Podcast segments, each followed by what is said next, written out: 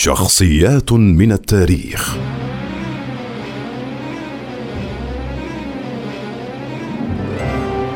طه حسين ناقد روائي مصري.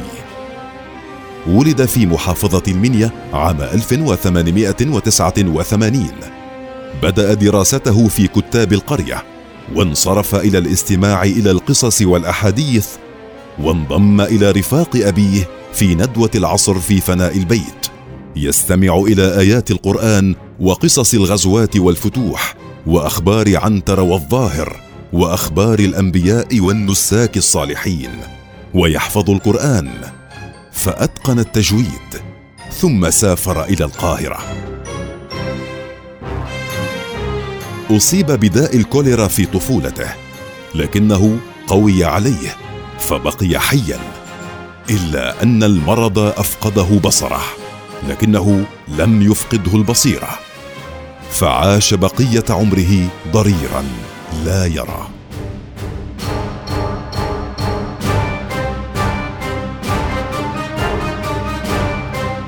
دخل الأزهر ثم انتقل إلى الجامعة المصرية ونال منها الدكتوراه الأولى ثم نال دكتوراه دولة من جامعة السوربون في باريس.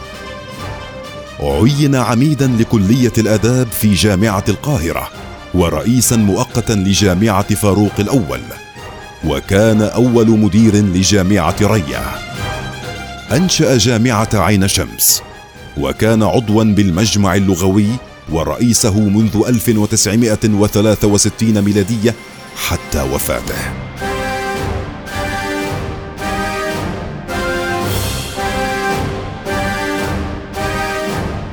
منح جائزة الدولة عن كتابه على هامش السيرة وجائزة الأداب وكان أول من منح جائزة الدولة التقديرية في الأداب. كما منح أيضا وساما رفيعا فرنسيا.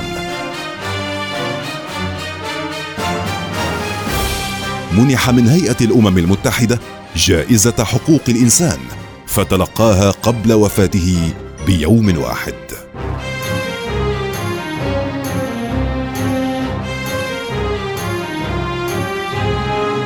مهد لقيام المنظمة العربية للتربية والعلوم والثقافة.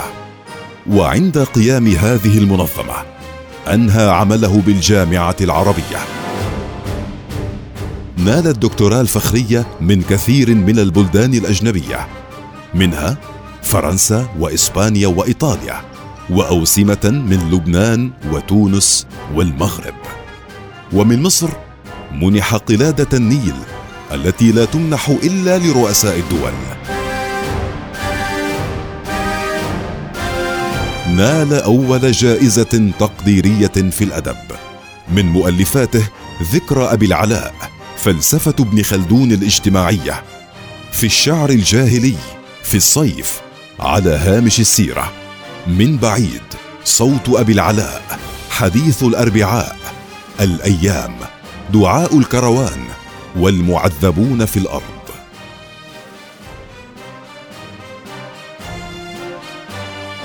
توفي طه حسين عام 1973 تاركا وراءه كنوزا في الأدب العربي وذكرى في تاريخ الأدب العالمي لا تمحوها خطوط الزمن.